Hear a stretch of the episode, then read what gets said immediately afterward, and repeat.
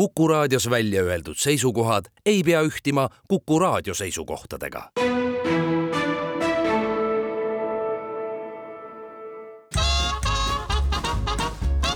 jäljed gloobusel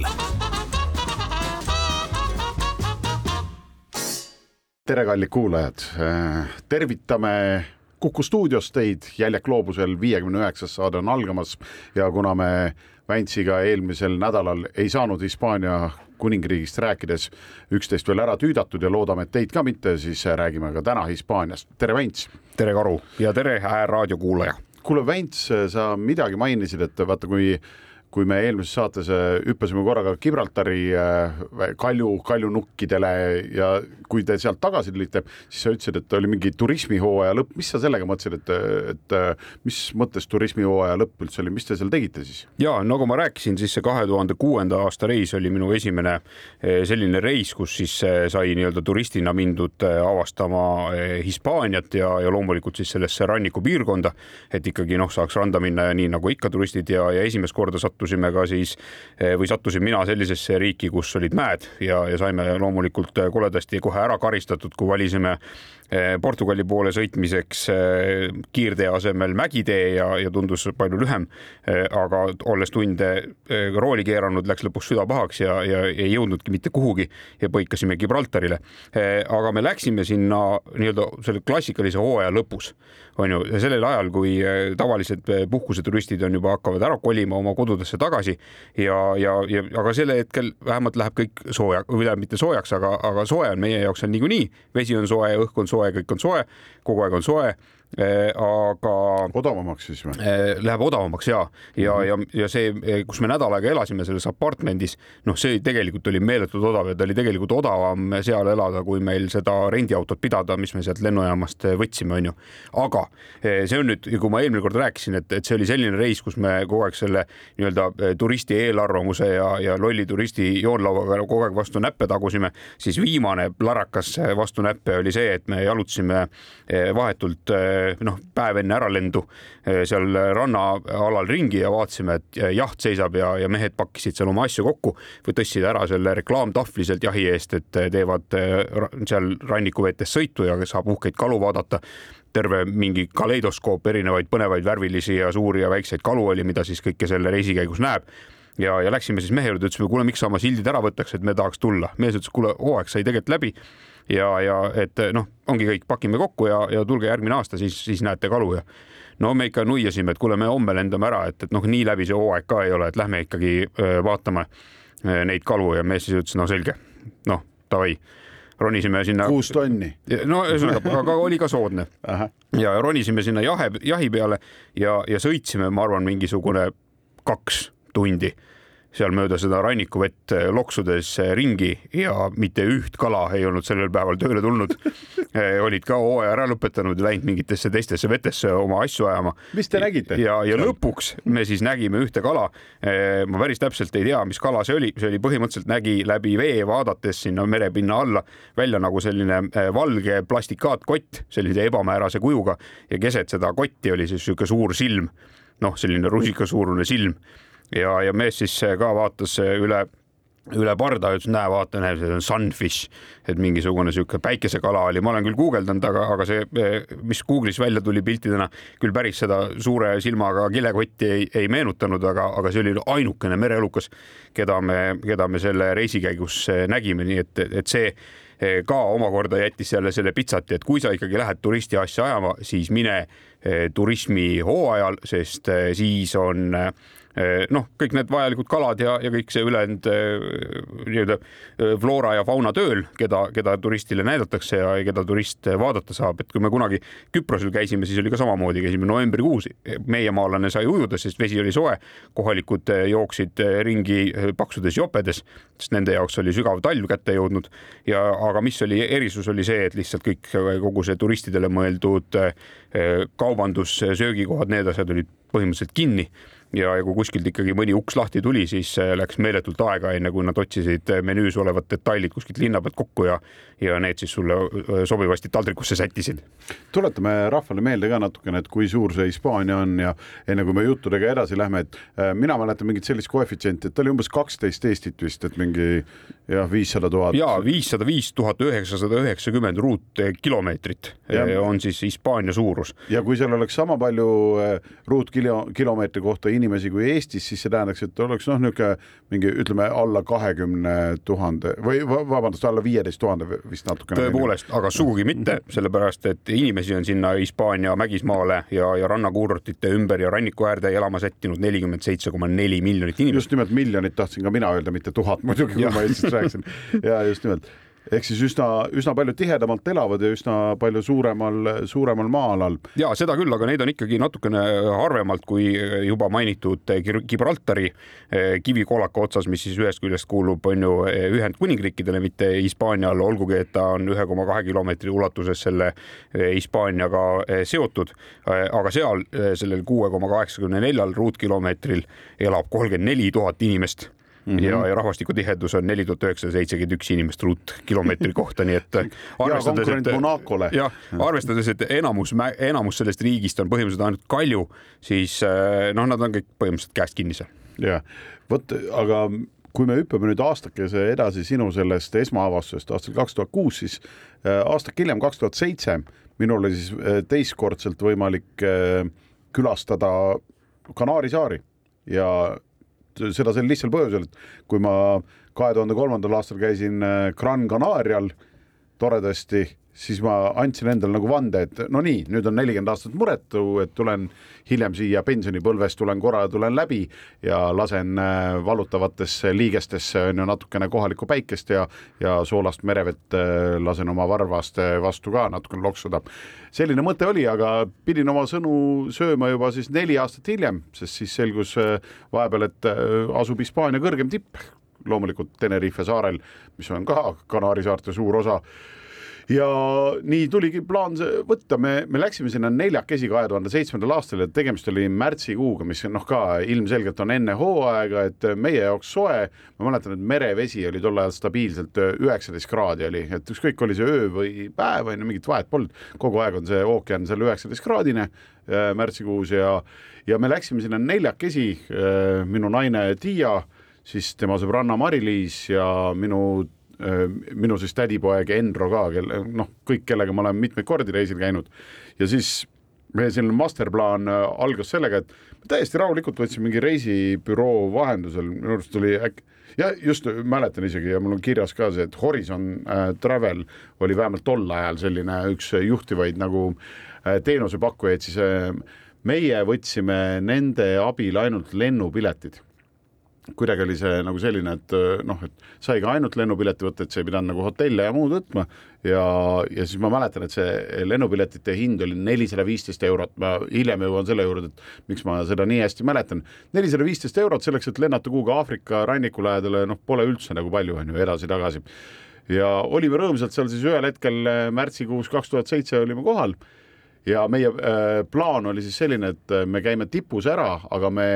teeme suht niisuguse madala eelarvega reisi, ehk siis äh, nii palju, kui saame, magame kogu aeg telgis, mis ette tundus selline suht raske ülesanne, sest kogu aeg kui me guugeldasime, et kus on erinevad kämpingud, siis äh, saime ühte sama vastust kogu aeg, et Tenerifel on üks kämping, on umbes ja lõpuks me seda üles ei leidnudki. Ja seal ei maganud, aga noh, see ei tähendanud seda, et meil nagu väljas magamata jäi ja me alustasime kohe nagu bravuurikalt, jõudsime ilusasti, äh, maandusime seal Tenerife saare peal ja läksime kohta nimega Playa Cristianos, mis on täiesti nagu mere ääres äh, seal nii-öelda päiksepoolsemas küljes, kus on rohkem, rohkem liiva rohkem kastetavat pinda, vähem äh, looduslikult kasvavat äh, noh, niisugust taime, selle poolest on Tenerife nagu äh, ongi natukene eristub võib-olla teistest Kanaari saartest, et ta võib laias laastus selle saare nagu pooleks jagada. et seesama suur Teide mäemürakas, mis on noh, merepinnas kuni kolme tuhande seitsmesaja peale, on ju näha ka väga võimas ja kõik on nagu väga ilus, aga ühtlasi ta hoiab nagu mingid õhuvoolud ja vihmapilved hoiab kinni, nii et äh, sinna ütleme siis Aafrika poolsesse külge siis minu arvates vist sedapidi oli see, et eriti see vihm ei jõua kunagi äh, ja need pilved jäävad kõik teisele poole saart, mistõttu üks saare pool on siis üsna niisugune lopsakas, roheline, seal sajab vihma, on äh, kõik nagu mõnus, ei pea kastma ja teine pool on siis, kus on ka see Playa Cristianos on ju, kus me olime, see on siis täiesti niisugune kuiv ja noh, ainult kastmisega saad elus püsida. kusjuures samasugune efekt tekib ka Horvaatias, et kui sa sisemaa poolt hakkad ranniku poole sõitma, siis seal vahepeal jääb suur mäestik ja lähed tunneli, vihmasilmaga tunneli ühelt poolt sisse ja teiselt poolt välja tuled, on päikeseline täielik selline noh, klassikaline rannakuurorti ilm. Absoluutselt jah, ja, ja, ja teidel siis samamoodi ja, ja ja me, meie olime siis selle kuivema poole peal ja, ja kohe esimese öö me võtsime ka, nägime, et rannas igal pool olid sildid, et telkida ei tohi aga siis jalutasime natukene nii-öelda üsna valgustatud on ka need rannad õhtusel ajal, siis jalutasime kuhugi mingite vesijalgrataste lähedale ja panime sinna lihtsalt marratsid maha ja viskasime magamiskottidega sinna pikali. noh, midagi karta polnud vaja, sest noh, temperatuuri mõttes, sest niisugune viisteist kraadi oli sooja seal öösel, nii et mingit muret eestlastel ei olnud, aga järgnevast siis räägime juba pärast väikest pausi. jäljed gloobusel nõnna, Kuku kuulaja, paus läbi ja Karu ja Vents on stuudios tagasi ja jätkame oma Hispaania kuningriigi juttudega. ja, ja tegelikult eh, hüppame natukene üle mere Aafrika külje peale ühe, ühte Hispaaniale kuuluvasse eh, saarestikku ja, ja siis eh, saare peale, kus need, kes eelmist osa kuulasid, teavad, et Karu sättis ennast siis vesirataste kõrvale lebodega magama ja nii oli. Ja täitsa tore oli see öö mööda saata ja ma mäletan ainult seda, et meil matkakaaslane Mari-Liis siis ütles, et jahe on, ütles hommikul, siis me saime aru, et kui tal on viieteist kraadiga nagu magamiskotis magades nagu termomati peal on jahe siis nagu üles kuhugi kolme peale magama minna tundus nagu utoopiline. lisaks me olime kuulnud, et äh, märtsikuu on ju, enne olime otsinud, et kuidas sinna tippu üldse saab ja, ja olime juba lugenud välja need mingid, et ai, et sinna saab ainult lubadega ja, ja siis lugesime selle välja, et mingi kahe tuhande kahesaja meetri kõrguselt märtsikuus on alles lumi kõik, et lumi sajab seal maha ja siis on nagu jama, on ju et noh, et väike ohumärk nagu oli, et mis nüüd siis saab, on ju, et nagu külm on inimesel viieteist kraadiga, plusskraadiga nagu magada magamiskotis. et huvitav, mis magamiskott see on siis. ja aga noh, ega polnud midagi, mõtlesime, et järgmine hommik kohe, et hakkame aga minema. ja, ja nii oligi, on siis tarvis saada nii-öelda ranniku äärest üles mägede vahel sinna vulkaanilisse kõrbe põhimõtteliselt, mille keskel siis kuskil see see Pico de Teide Hispaania kõrgem tipp ja Tenerife kõrgem tipp ka siis nagu kõrgub, ta on iseenesest selline, Teide nagu vulkaanina on selline, noh, ta on selline nagu sõbralik, et ta lihtsalt vahepeal purtsutab ka natukene nagu teised vulkaanid, aga niisuguseid kõvasid nagu litakaid eriti ei pane, et ta vist mingi põhimõtteliselt sada aastat tagasi viimati umbes noh, suurusjärk kahekümne sajandi alguses viimati purskas ja ta, ta on pigem see, kes viskab natukene kõrgust juurde purskega onju ja siis ta ka kasvatas sealt kuskilt kolme tuhande viiesaja pealt kolme tuhande seitsmesaja peale. Ja võrdluseks, et äh, teine tipp, mis, mille otsas me ka käisime, aga mis asub äh, nagu kohe teide kõrval, kõrval on Pico Viejo, mis on hetkel äh, nüüd siis kolme tuhande kahesaja meetri kõrgune, aga Pico Viejo enne oma viimast mingit ammust purset oli tegelikult kaks kilomeetrit kõrgem. nii et eh, kui, kui oleks sündinud eh, tiba varem, siis oleks saanud Tenerifel käia ka niisuguse viie tuhande kahesaja meetri kõrgusel Aga.... mis mis see tiba varem on, niisugune dinosaurustega samal ajal? oi, ma jään sulle sellise täpse vastuse, jään võlgu, aga ikka noh, ja pigem nagu ikka no ikka väga-väga kauge aeg, aga selle saare peal nagu jah, just see kui me mõnusasti siis noh, kohale jõudmine oli veidikene nagu äh, triki selles mõttes, et me teadsime, et noh, vett seal ei ole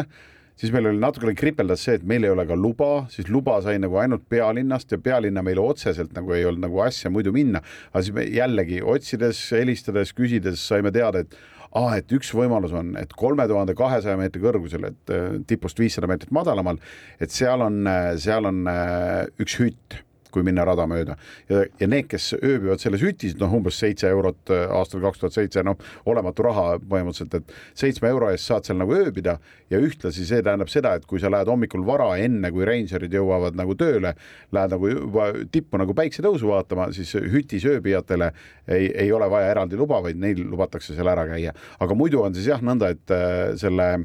Teide nõlvale siis kolme tuhande viiesaja viiekümne meetri kõrgusele toob äh, rippraudtee iga soovija ehk siis tipust ainult ütleme sada kuuskümmend seitse meetrit madalamale. aga seal ongi nagu, et ühtlasi esimene vagun toob siis üles ka reingerid ehk siis pargivahid, et tippu ilma loata ei saa, seal on ketid, värgid ees, nad jälgivad, noh, see on üsna lihtne on jälgida ka, kui no niisugune lage pind on suht vulkaaniline kruus igal pool on ju, et nad üsna kiivalt jälgivad, et keegi seda ei rikuks ja kui rikud, siis noh, on pahandust nagu palju ja me, meie siis läksime selle taktika peale, et me siis proovime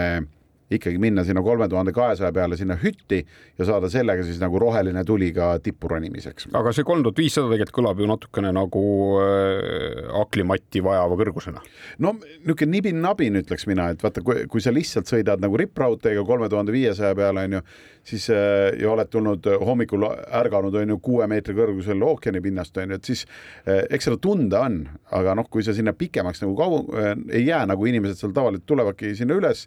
jollerdavad seal mingi pool tundi ja siis äh, lähevad rippraudteega jälle alla, on ju, tagasi, et siis pole hullu midagi. noh, kui, kui nagu kauemaks tahad jääda, siis ta natukene nagu nõuaks ja, ja mina pean ütlema, et kui me lõpuks siis äh, noh, selle päeva lõpuks me ikkagi olime sinna kolme tuhande kahesaja peale sinna hüti juurde jõudnud ka, et siis väike pea valutamise teema oli, aga see on ka niisugune mägihaiguse alles esimeste sümptomite hulgas on ju see, kus, kus täpselt enam punased verelibled eh, hapnikku kehasse laiali nii palju ei kanna, kui oleks vaja ja siis eh, aju kogu aeg ütleb südamele, et pumpa rohkem ja süda muudkui pumpab ja, ja siis, kui sa ühel hetkel ennast liiga aktiivselt enam ei liiguta, näiteks viskad telki pikali, siis kohe ta pumpab ikka niimoodi sinna aju, aju lähedale seda, seda survet, et see hakkab hakkabki valus lihtsalt väljenduma, onju, et nii, nii lihtne ta ongi. aga see mingi väga ohtlik ei ole või see liigitub ikkagi ole, selle ei arvele nagu, et Eesti mehe perearst on kiirabiautos onju, et ega siis midagi küljest ära kukub, siis, siis tuleb küll perearst tuleb onju. jah, ja no seal on see, et joo palju vett onju, on üks oluline asi ja, ja, ja liiguta ennast natukene ja, ja, ja väikse peavalu puhul nii-öelda niisuguse tuikamise puhul üldse ei ole keelatud võtta ka noh, selliseid rahulikke eh, mitte mingeid eh, hulle siis valuvaigesteid on ju ja ja, ja seda, seda siis need, kes tahtsid, need ka tegid, aga me, me jah, et sinna mäe alla saada, me siis äh, äh, magasime maha järgmisel hommikul noh, varustust otsides ja vett ostes, sest me teadsime, et mäe peal vett ei saa, ehk siis äh, iga inimese kohta me kolm pool liitrit vett võtsime kaasa, mis siis kokku teeb mingi neliteist kilo vett on ju, oli lisaks kõigele muule seljas. Et äh, selle ostmise käigus siis jõudis ära minna ainukene buss, mis viis sinna mäe alla. Ja siis me meeleheites võtsime takso, selgus, et aga see ei ole hullu midagi, et taksosõit maksis mingi nelja peale mingi viiskümmend eurot, mis ei ole nagu midagi hullu, kui see viib sind nagu kaks tuhat kakssada meetrit kõrgemale ja ja mitmeid kümneid kilomeetreid kaugemale on ju selles punktis, kus sa oled nagu äh, liikuma hakanud ja, ja taksojuht viis meid ära. Äh, rada äh, ei alga sealtsamast, kus on see rippraudteejaam teide all, vaid selleks, kui siin sealt nii-öelda Playa Cristianose poolt tulla üles maanteed pidi, siis, siis pärast eh, rippraudteejaama tuleb sõita paar kilomeetrit edasi. ühel hetkel on vasakut kätt ühe kaljunuki tagant eh, avaneb nagu vaade, et ahaa, siin on mingi väike parkimisplats ja see, see parkimisplats ongi koht, kus, eh, kust algab siis rada üles ja see rada on selline, et alguses on täiesti ka džiibiga sõidetav, aga noh, märk on ees, nii et igaüks ei tohi sinna nagu seiklema minna. aga meie siis taksol lasime ennast seal maha panna, siis haarasime kotid selga kuidas kellelgi oli, ma tean, et minu kott oli ikkagi seoses, kuna mujale vett ei mahtunud, siis ma vist mingi viimase viieliitrise kanku pidin ka veel panema, siis oli minu kott oli mingi kolmkümmend kuus kilo vist, mis ühel hetkel noh, saime aru ka, et Enro kott, kelle kott, noh, Enro kott oli nagu kakskümmend seitse, aga noh, sinna rohkem ei mahtunud, siis ühel hetkel saime aru, et millegipärast on nii, et minul on raskem kott ja Enro on millegipärast tugevam. on ju, et kaks asja, mis loogiliselt oleks pidanud tähendama ja siis me muidugi vahetasime kotti ka vahepeal ära, et tema võttis minu koti ja mina tema oma ja tänu sellele natukene tempot tõstsime aga hakkasime julgelt jalga jala otsa panema, seal on äh, selline äh, üsna palju jalutajaid oli veel, aga mitte sellepärast, et nad kõik oleks sinna teide tippu läinud, vaid äh, täitsa mõnus jalutuskäik, mida julgen soovitada nagu isegi koos lastega, ma ütleks. seal on siis mingi niisugune kahe tuhande seitsmesaja meetri kõrgune üks teine tipp, mille no põhimõtteliselt nagu Valge mägi äh, on tema nimi, et Blanco on ju, Pico Blanco või mingi selline asub niisugune noh, Montana õigemini, Montana Blanco on ta nimi siis nagu Valge mägi jääb täiesti niisuguse raja kõrvale, mingit ronimist ei eelda, lihtsalt jalg jala ette astud. ta on niisugune kaks tuhat seitsesada nelikümmend kaheksa meetrit kõrge, et paljud või praktiliselt kõik, kes nagu käisid seal raja peal meile vastu tulid, olid siis hommikul alustanud niimoodi, et ronisid sinna Valge mäe otsa ja tulid sealt siis tasapisi tagasi. aga meie siis surusime edasi sinna kolme tuhande kahesaja peale selle, selle hüti suunas, millega me vahepeal saime ka telefoniühenduse või mingi inimesega, kes sinna broneeringuid põhimõtteliselt teeb, et siis ja aga see vestlus oli selline, et mul naine Tiia nagu helistas, tema rääkis kõige paremini inglise keelt, siis ütles hello, you speak english, mille peale öeldi no ja pandi toru ära. on ju sihuke äh, hooajaeelne suhe Ita Itaaliale omane. jah, oli, aga seekord Hispaanias ootamatult onju. ja siis nagu eh, noh, selle teadmisega me läksime, et kõik võib nagu kehtida ja võib ka mitte kehtida. telk ja magamiskotid olid kaasas, nii et eh, nagu hullu hirmu ei olnud, et mis nüüd saab. Ja vaikselt tiksusime, siis tuli igasuguseid inimesi tuli ka ülevalt poolt, tuli ka neid, kes olid tipus käinud, tulid vastu ja need seal, mõni oli väga eufooriline ja rääkis, et ja, ja poole tunni pärast olete juba hütis. No ja siis noh, kahe ja poole tunni pärast me veel ei olnud, onju, ja umbes noh, niisugune olime kolm tundi läks sellest kohast ja aga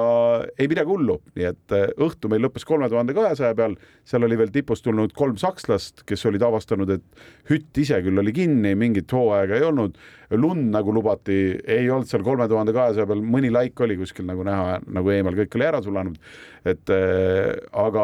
nad olid leidnud, et see hütt oli küll kinni, aga mingi ruum oli lahti, mis niisugune nagu shelter, niisugune väike, et noh, kui keegi hädas on, siis saab sinna minna. ja siis me, me läksime ka vaatama vaatasime, et oh, et kuule, siin ruumi nii palju, et me mahume kõik seitsmekesi ka siin ära. sakslased vaatasid rahulikult meid, siis vaatasid seda ruumi ja ütlesid, ei, kaks mahub ja siis me surusime neile kätte, ütlesime, et väga hea plaan, aga me ei jäta oma tüdrukuid teiega siiski ja, ja läksime neljakesi siis telki ja magasime selle hüti, hüti siis nii-öelda betoonist eh, terrassi peal selle, selle öö ära, et hommikul varakult siis hakata tipu poole minema. Jäljed gloobusel. Ja tere tagasi, Karu ja Vänts on stuudios, saade on Jäljed gloobusel ja Karu on praegu piltlikult öeldes äh, Hispaania kõige kõrgema mäe tipus. peaaegu jah, kolme tuhande kahesaja peal me siis järgmine päev tõepoolest eh, Pico teide peal eh, ärkasime ja ärkasime me üsna mingi niisugune viie paiku, panime kähku lihtsalt mingid eh, mõned kalorid naha vahele kirja katsusime sooja sisse saada, sest tublid miinuskraadid ikkagi seal öösel on, mida, mida on hea rõhutada nagu see, et äh,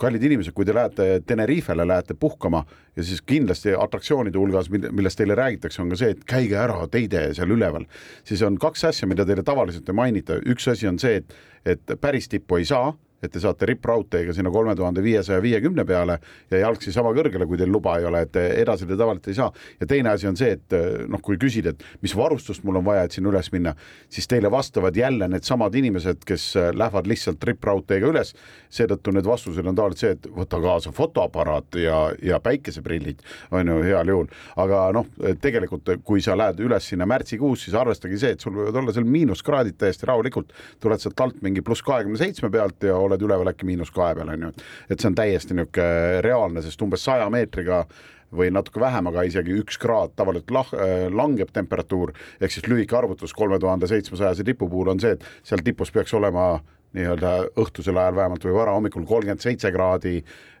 jahedam, kui on all ookeani ääres, nii et kui seal on kakskümmend seitse, siis üleval võib olla miinus. seda võrra veel ju tugevamalt tunda, et kui su päevane temperatuur on väga suur, siis eh, ka viieteistkraadine eh, langus, noh näiteks mida kõrbetes saab on ju kogeda, on see, et sul päeval on kolmkümmend ja kui õhtuks langeb viieteistkümne peale, siis tegelikult on kehal väga külm olla, sest see, see kontrast on sedavõrd suur absoluutselt ja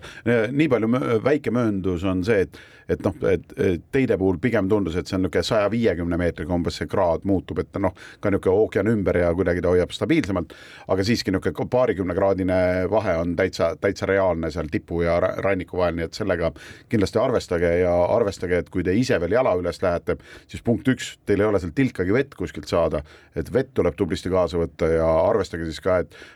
ükskõik mis aastaaeg on, kui päike paistab ja Tenerifel tavaliselt paistab päike, siis noh, päikesekreem peate kaitsma kõik, mis ei ole päiksega, mis vähegi, mis on päikse ees katmata, kõik kohad tuleb igal juhul pluss viiekümnese päiksekreemiga sisse, sisse määrida. aga meie siis läksime jah hommikul enne kuute juba hakkasime ülespoole minema nii vara siis sellepärast, et mitte, et oleks palju tõusta olnud, vaid pigem sellepärast, et kella üheksase selle vaguniga ju hommikul tulevad üles ka pargivahid ja kuna me ei olnud ju hütis ööbinud, vaid hüti terrassil, hütt oli kinni, siis meil ei olnud nagu ikka veel mingit nii-öelda ametlikku lubu, luba tippu minna. siis me võtsime täitsa julmalt, et lähme enne üles, me saame enne neid, saame sinna tipu poole. Ja kui on mingi jama, siis see tekib alla tulles ja siis on nagu, aga meil on tipp tehtud, on ju, et tegeleme siis tagajärgedega. ja läksimegi üles kolme tuhande viiesaja viiekümne peal, kus on see jaam, seal me olime enam-vähem päiksetõusu ajal, nii et kõik läks väga ilusaks, sa näed juba kõiki teisi saari, mägesid, äh, värke, ookeani, hästi ilus on seal üleval. ja, ja lõpus on ta hästi lihtsaks ka tehtud, et astud sealt ketist üle, mis muidu on nagu ette pandud, see ei ole keeruline sellest mööda minna, on ju, ja, ja seal on hästi palju tehtud ka niisuguseid astmeid, nii et suht äh, lihtne on ülespoole liikuda, see viimane sada kuuskümmend seitse meetrit ülespoole sealt äh, jaamast. Ja noh, ei võtnudki palju aega, et noh, jaamast üles, no ma ei tea, viisteist minutit hiljem olime seal tipus vulkaanina, nagu enne mainitud ka sai juba natuke tagasihoidlik on et see kraateri läbimõõde, läbimõõt oli mingi sada meetrit, mitte rohkem. hästi palju seismoloogilisi aparaate jälgivad nad, hoiavad teidel silma peal väga lihtsal põhjusel, sest teide on, oli noh, aastal kaks tuhat seitse, kui ma uurisin, siis oli niimoodi, et ta oli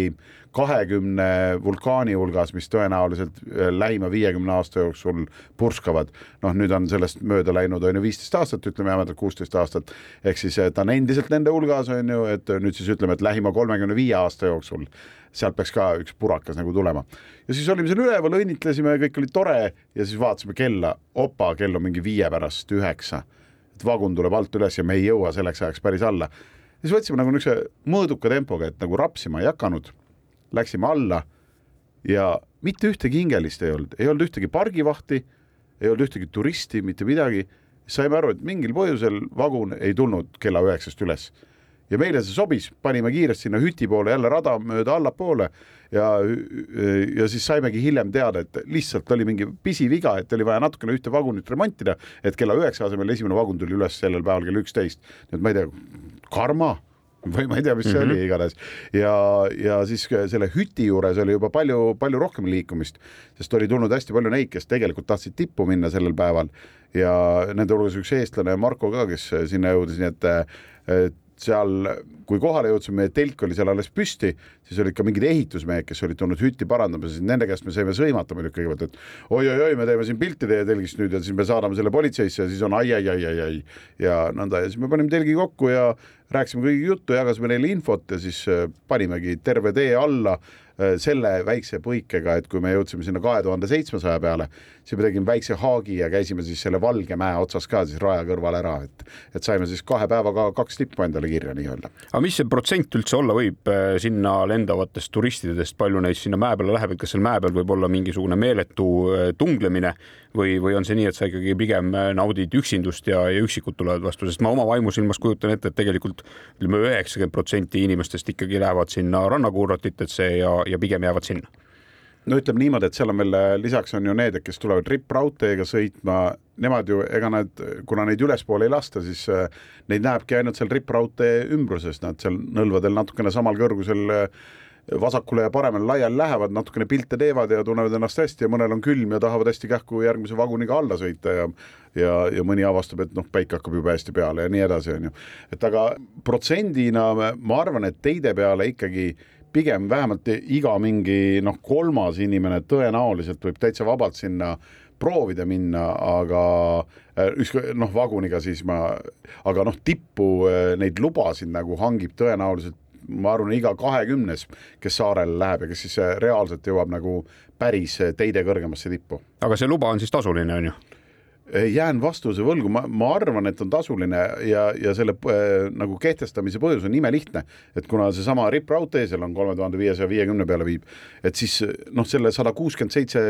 viimast meetrit suudab igaüks ära käia, aga kui tõepoolest nagu see, et järjest vagun vaguni järel tuleb seal üles, on ju, kujutad ette, kui kõik need inimesed seal üleval käiksid, siis üks asi, et ta devalveerib ära ja teine asi on see, et lihtsalt need inimesed ka natukene kannavad oma jalgadega ja selle tipu natukene laiali juba, sest kui seal väga palju inimesi käib, siis see lihtsalt nagu noh, noh, loodus noh, võtab omad reaktsioonid sellele, kui inimesed seal nii palju liiguvad, on ju, ja ja, ja seda ei ole kellelgi vaja ja noh, noh, mulle see meeldib, et seal on väike piir nagu peale pandud mm. -hmm. no Hispaania kõrgem tipp on saare peal, on ju, kas eh, oled igaks juhuks ära käinud ka siis selle mandri äh, mandril asuva kõige kõrgemas tipus. ei ole jah, ta on küll alla saja meetri, jah, korra isegi eelmises saates korra me seda mainisime, et noh, vist hääldus on tal Multšatšen on ju, et mingi kolm tuhat kuussada millegagi oli tema kõrgus, et ta asub jah, seal mõnusalt, kus need põhilised mandriosa mäed on, on ju seal ka mitte kaugel üldse Vahemerest ja, ja igati nagu tore tipp, aga, aga sinna ma ei ole sattunud jah, et noh, näiteks Portugali, naaberriigi Portugali kõrgem tipp on ka saartel, on Assooridel, aga nende maismaa kõrgemasse tippu ma olen jälle sattunud, on ju, et aga Hispaaniaga, Hispaaniaga seda rõõmu mulle ei, ei ole olnud. aga noh, nii selle Tenerife jutu lõpuks, et kui me tipu olime ära teinud, siis me tegime veel selle kõrvalose asuva, mis ka jutust läbi käis juba, see Pico Viejo.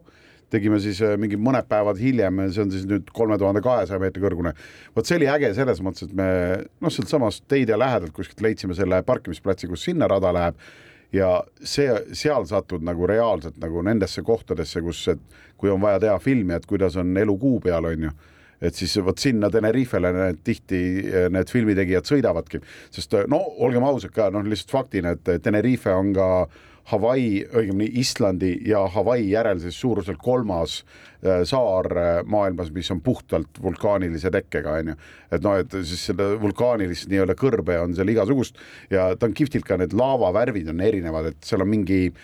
iidamast, aadamast ajast mingid tugevad pursked, võib-olla siis ka see Pico Viejo, see nii-öelda kupli, kahe kilomeetri jagu kupli mahaviskamine on ju, et et see oli, see, see laava on nüüd nagu niisugune heledam ja siis mingi keskajal seal toimus mingi suurem üks äh, purse, siis äh, seal selle heleda peal on nagu sellised äh, nii-öelda laavajõed, mis on jälle niisugust väga tumedat värvi. ehk siis nagu noh, on jooksnud sinna peale, mis näevad nagu ülišefid välja ja see on nagu nagu noh, nagu jõesäng, mis tavaliselt on nagu nõgus, siis noh, Tenerifel need lavasängid on nagu jälle kumerad, on ju. et nad jooksevad nagu selle heleda laava peal on siis niisugused kumerad nagu jõed, nagu tagurpidi jõed tumedat värvi, et väga-väga äge vaatepilt ja seal niisugused nii üksikuid kohti, et noh, vahepeal jääd seisma, sul on nagu neljas küljes on mingid kerged nõlvad niisuguse vulkaanilise tuhaga, et siis ja kruusaga, et see on no, nii üksildasi paiku maailmas äh, kohtab harva, kui seal Viejo otsas. Ja lihtsalt äh, veel Viejo otsas see, et äh, seal oli ka tipuraamat. Kui me sinna läksime, siis leidsime ka ühe eestikeelse sissekande, mis oli seitse aastat varem sinna tehtud. aastal kaks tuhat oli seal käinud Eesti ajakirjanik ja, ja mägimatkaja Ülo Matteus oli teinud sinna sissekande, et siis äh, tervitused äh, panime talle ka tookord sinna, sinna raamatusse siis kirja, et ehk ta läheb sinna kunagi veel. andmed puuduvad. jäljed gloobusel tere tulemast tagasi, Hispaania kuningriigist endiselt räägivad Väints ja Karu ja lõpetasime eelmise lõigu seal, kus äh, Karu ehk mina siis äh, Tenerife saarel sai teide otsas käidud, sai käidud ka kõrvaltipu äh, siis Pico Viejo otsas, kolme tuhande kahesaja meetri kõrgune tipp seal ja kohatud seal isegi eestikeelset sissekannet siis ajakirjaniku ja, ja kirjaniku Ülo Matteuse poolt sinna jäetud aastal kaks tuhat, tervise talle siinkohal ja siis egas midagi, edasi oli meie nii-öelda Tenerife, Tenerifel käimise nagu lõpp oli selline selline ka igavaks ei läinud, ütleme niimoodi. et kõigepealt nagu oli see, et me läksime veel randa nagu ööbima üheks ööks ja siis äh, mul naisel Tiial siis äh, suudeti selle öö jooksul vaikselt äh, telefon, mälupulk ja üks kahekümne eurone kotis pihta panna. kusjuures see oli nagu pull, et me, me kuidagi panime need, et ühest küljest katsid meid need, need toredad vesijalgrattad,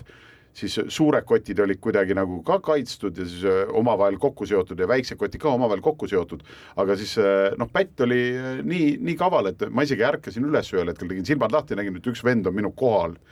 Ja siis, ja siis ta ütles selle peale kohe sorry ja tõmbus nagu eemale. Ja siis mulle jäi alguses see mulje, et ta üritas kotti võtma hakata ja mina nagu katkestasin teda, onju aga selgus, et ta tegelikult pani siis juba kotti tagasi, et ta oli kõik vajaliku sealt seest ära võtnud ja siis pani kotti tagasi. ja ise jalutas rahulikult minema, mingit paanikat tal ei olnud, sellepärast mina võtsin ka väga chill'ilt ja see hetk hiljem avastasime, et ahah, Tiial on mõned asjad nagu kadunud. et selles suhtes natuke mõru maik jäi, see on, sellega tuleb kanaaridel kokku puutuda ja, ja ma selle reisi kohta lihtsalt, et jah, mul, mul oli tore nagu see, et, et kui te juhuslikult lähete omal käel kuhugi ja siis nagu tekib see mõte, et aga kuule, aga me võiks ikkagi see, kelle käest lennupiletid ostsime, et äh, küsiks igaks juhuks sellelt reisikorraldajalt, et äkki saame teie transfeeriga saame nagu mõnusasti lennujaama sest noh, sinnasamasse hotelli ju tullakse järgi teistele inimestele, kes samal, samal lennul on. ja siis äh, küsid ja nad ütlevad, jaa, ikka võtame teid peale, et see on niisugune viisteist kuni kakskümmend eurot, et ma võin täpsustada pärast, on ju, et viisteist, kakskümmend eurot nagu näo kohta, saame teid ära viia, siis tundub niisugune, kuuskümmend kuni kaheksakümmend eurot nelja peale, et kuradi kallis nagu. siis mõtlesime, et ah pekki, võtame takso, et ei viitsi nagu jannata. takso lennujaama maksis neliteist eurot, ehk siis oleks olnud ka isegi üksi minnes nagu odavam, kui, kui osta ennast sinna bussi peale. Vot selline lõpp ja, ja viimane number, mille ma tahtsin välja tuua, on lihtsalt see, et,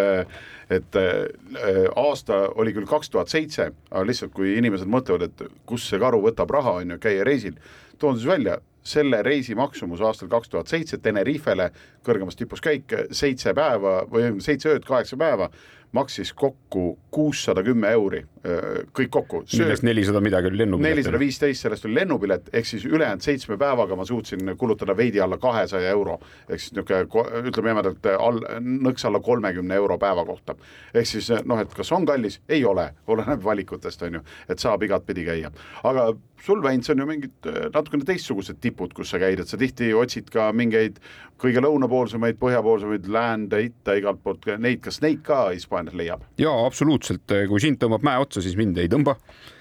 mind tõmbavad hoopis teistsugused tipud, mind tõmbavad põhjapoolsed, idapoolsed, läänepoolsed ja, ja loomulikult ka lõunapoolsed ja, ja nii mandritel kui ka kõikidel teistel põnevates kohtades on ju. ülemise poolega on lihtne, kõik arvavad, et on Nordkapis ära käinud, et on Euroopa nii-öelda mandriosa kõige põhjapoolsemast tipust käinud, aga võta näpust. Nordkap on tegelikult saar ja, ja ongi kogu lugu, et see ei ole kõige kõrgem tipp. aga noh, vähemalt sinna saarele tunnelisse sõites, see on siis see kõige kõrgem tipp, kuhu autoga saab on ju, käsitsi saab äh, idapoolsest tipust kõrgemale, see on mul plaani võetud, küsin su käest järgi, millal peab ööbima ja, ja kuidas rada käis ja, ja selle, see on mul to do listis olemas, nii et sinna ma äh, plaanin minna. aga äh, Hispaanias asub Euroopa osa kõige lõunapoolsem tipp ja selle, selles tipus asub selline tore linn nagu Tarifa ja Tarifa ja Gibraltari vahel on siis tegelikult see koht, kuskohast praamid lähevad siis sinna Aafrika poole peale Ceutasse ja ja eh, Tarifa on eh, laialdaselt tuntud eh, surfipealinn. Tänu oma toredale asendile on mingil põhjusel seal alati suured tuuled, suured lained. Ja, ja seetõttu on sinna siis kogunenud ka selline hulk toredat taristut, seal on meeletus kogus kämpinguid, kus siis kämperiga saab, kus siis saab telgiga, kes iganes matkaja see sinna jõuab. seal on meeletus koguses surfareid, kogu see rand on täis kõikvõimalikke erinevaid veesporte eh, harrastavaid inimesi, need, kes veesporti ei harrasta, need teised on siis need mingid ütleme, sellised eh, päevitamissporti harrastavad sellised seitsmekümnendates süsi mustaks kõrbenud päikese käes vedelemisest Briti turistid, kes tõenäoliselt kogu oma pensioniraha otse kuhugi pansionaati kannavad ja, ja siis istuvad seal Tarifal. tegemist on väikese toreda linnaga, selline hästi äge vibe on seal, kõik on selline chill, selline surfikas ja, ja, ja kui sinna minna, siis kindla peale tasub aeg maha võtta ja seal linnas ringi jalutada, et seal on meeletult ägedaid kohvikuid, kõikvõimalikke butiike, saab sealt kogu varustuse osta, millega surfata, kui ei taha, saad rentida. no ühesõnaga kindla peale, ärge tormake läbi, võtke aeg maha,